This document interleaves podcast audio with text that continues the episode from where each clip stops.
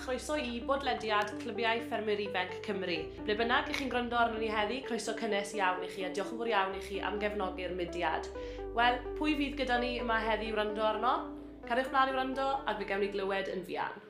Rydw i'n un o dîm sy'n falch i weithio i NFU Cymru, sefydliad sydd wedi bod yn cefnogi ffermwyr ers 1908. Drwy'n gwaith cynrychioli, ein cyngor ac arweiniad, neu'n gwasanaethau sylweddol, rydym yn sicrhau diwydiant mwy cynhyrchiol a phroffidiol hyn aelodau. Wedi wredeg gan ffermwyr i ffermwyr, rydym wedi bod yma i chi am 110 o flynyddoedd, a gyda mwy o aelodau yn ymuno bob dydd, fyddwn ni yma i chi dros y 110 nesaf hefyd. I ddod yn aelod neu ddysgu mwy, chwiliwch am NFU Cymru.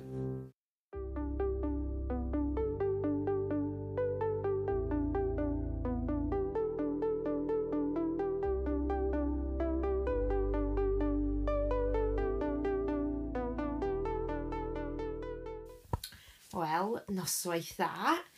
Dwi, Nan Gwenllia Williams, wedi ymuno hyn yma efo Teleri Mair Jones i dreulio noson cael Calan Cia, ti gwybod, um, dreulio noson Lenny yma yn Mentra Llynfas um, sydd uh, reit yng nghanol yn Ysmôn.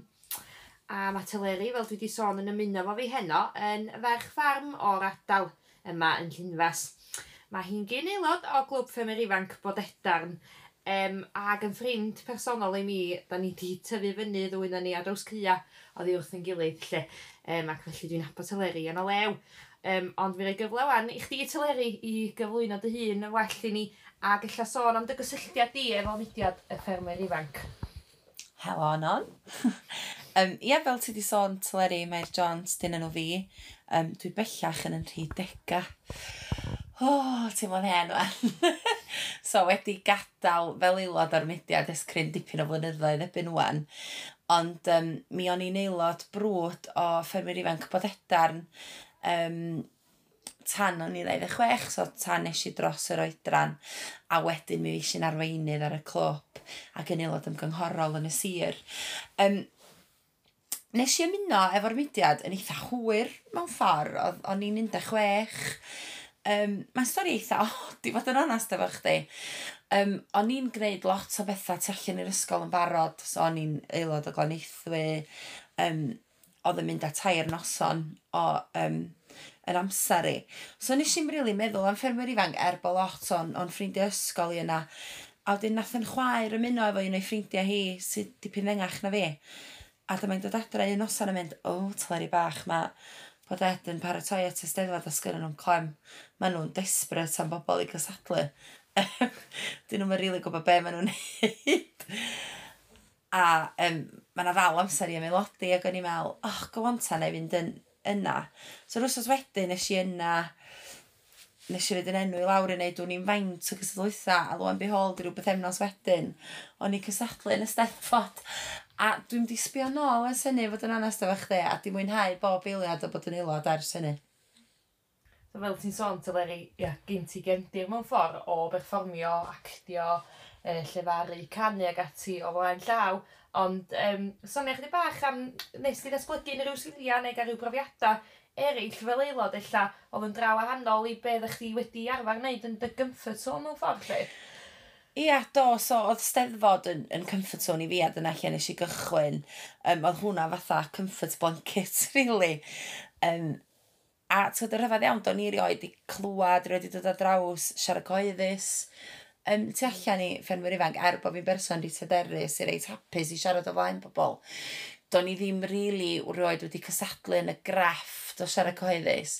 A do'n i'n rili really gwybod be o seatoli a y math yna beth tan i fi fynd i'r ffemwyr ifanc. A'r tro cynta i fi gystadlu, do'n i ddim yn lwyddiannus iawn. Um, digwydd bod, nath ynghariad i ar y pryd sy'n rwan yng ngŵr i fi. Mi nath o giro fi'r tro cynta nes i gysadlu. a mi ath o ymlaen i Gymru a cael ail, os dwi'n cofio'n iawn.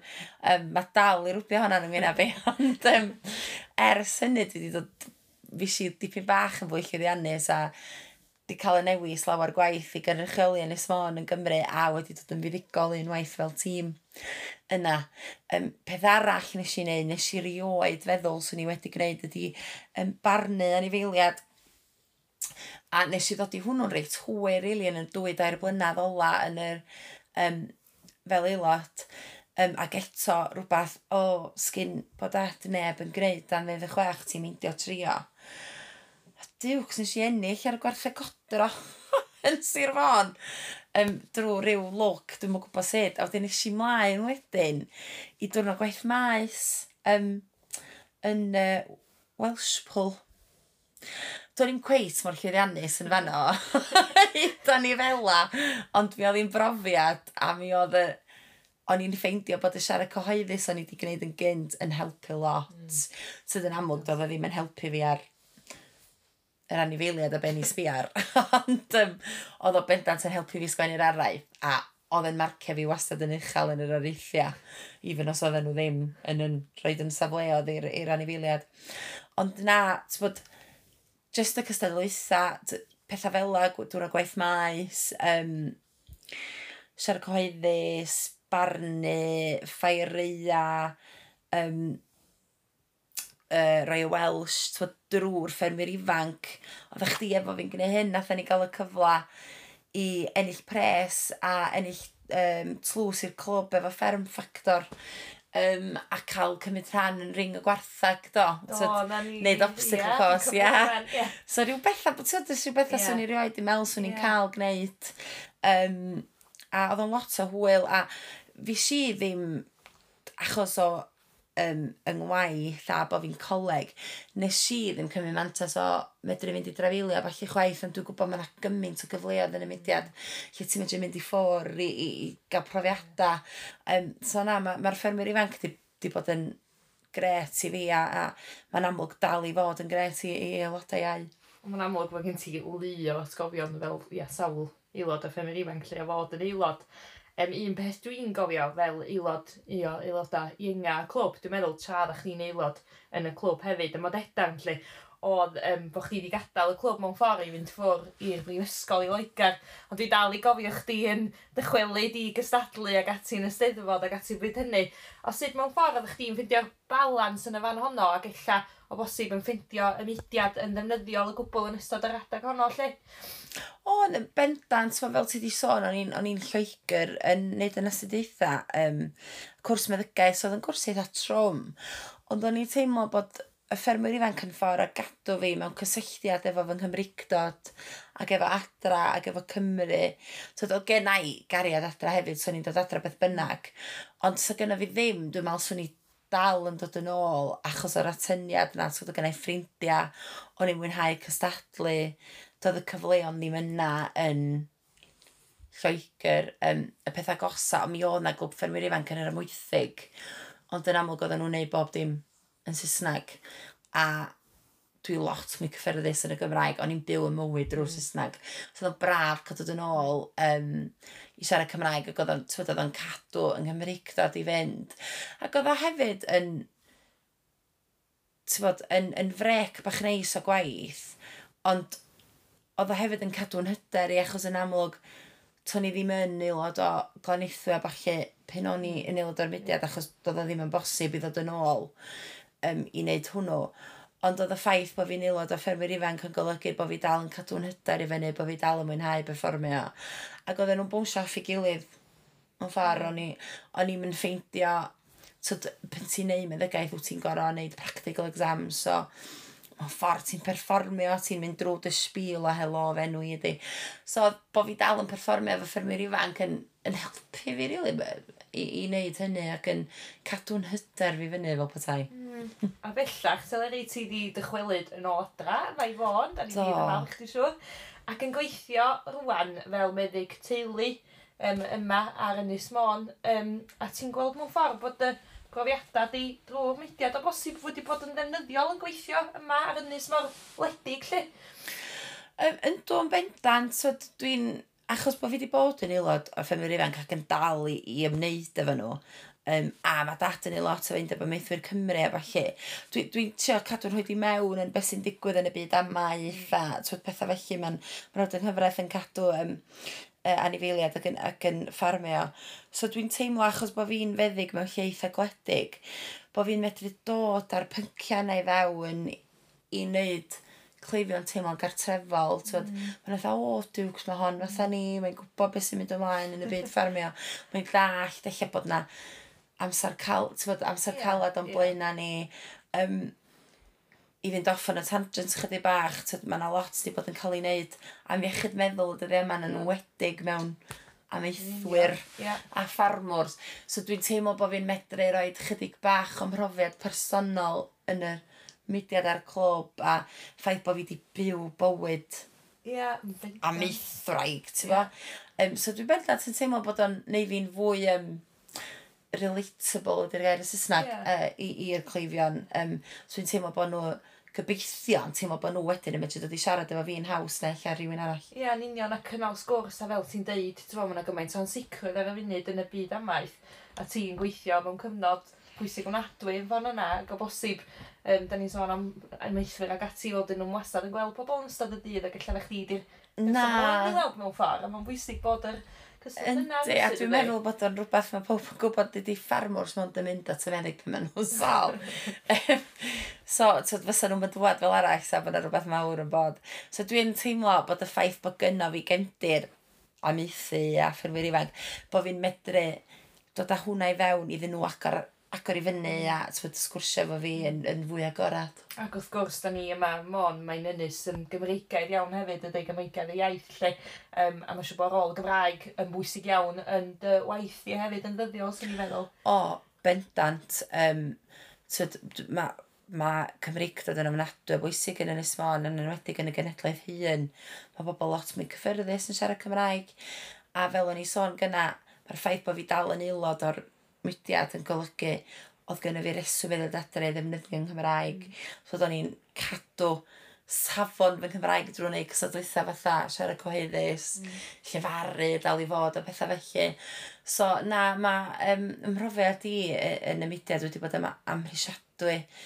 A dwi, dwi jyst yn gobeithio fydd y mudiad dal yr un mor gry mewn blynyddoedd iddo fod, fel bod yr hoci as gen i fi pum fydda nhw ddigon hen yn, yn mynd i gael yr un profiadau ges i angwr. Wel ia, bendant mae fel un cilch mewn ffordd rwysyd ydy.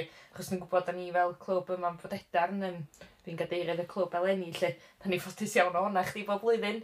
Um, a roed y music mei mat i gilydd a falle. Ti wedi bod yn arweinydd ar y clwb a hefyd o ran yr ochr y sir. Dwi'n gwybod bod ti wedi derbyn sawl gwobr am fod yn aelod o'r soed, dwi'n siŵr, yn y cyfrifol blynyddol. Do, do. at symudiad. Ia, diolch am dangos yn oed i bob yna aelod dros oed. Dros oed, wrth gwrs. Ac wrth gwrs yn aelod ymgynghorol ar ymhwyllgor asurol ni.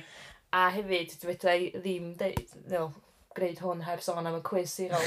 si a Hugh y Gwr yn gyfrifol am bob blwyddyn, dwi'n siŵr bod ni gyd yn ddiolchgar a fel ti sôn.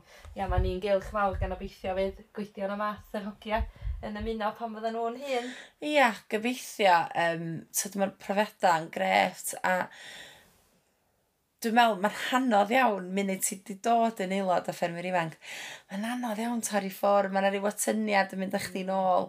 Ac er bod fi'n gwneud gymaint rwan, dwi'n dwi mynd arweinydd dim mwy oherwydd tys gen i mae'r amser yn anffodus. Ond mi fyddai'n dod yn ôl i helpu fo steddfod. Um, mi fyddai'n bernedu am bach beth weithiau yn sirol os dyn nhw styc. Um, ac wrth gwrs yn neud y cwiz. A A mae'r ffaith bod y mudiad wedi bod mor dda efo fi, dwi'n teimlo bod fi eisiau rei rhywbeth yn ôl iddyn nhw.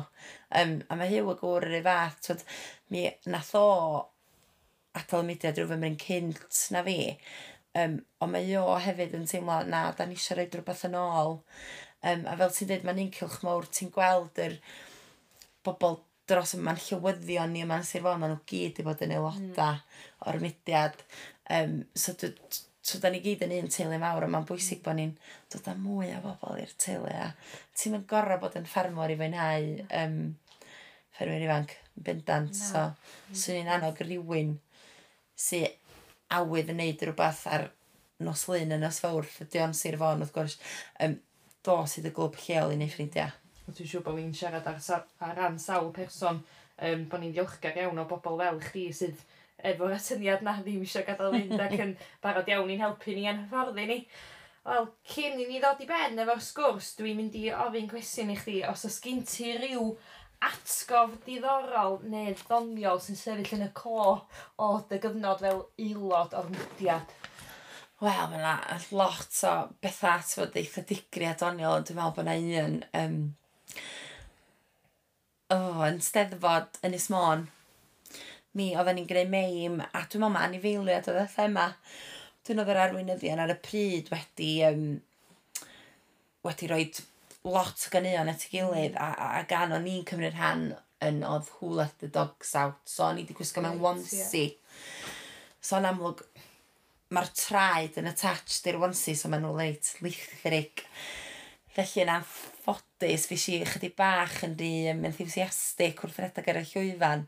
A mi asiar fy hyd ar lawr o flaen pawb um, yn ysgol David Hughes. Pawb yn chwerthin wrth gwrs fi fo gwynab coch ac yn rhyw, oh, a, off y llwyfan yn, oh, mortified o beth i gwybod.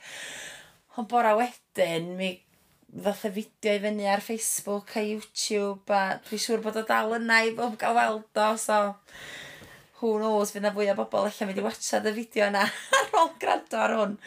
Ond um, na ti'n bod a mae ffermwyr ifanc un peth arall efo'r profiad yna, mae di dysgu fi sydd i chwerthin hefyd, so mm.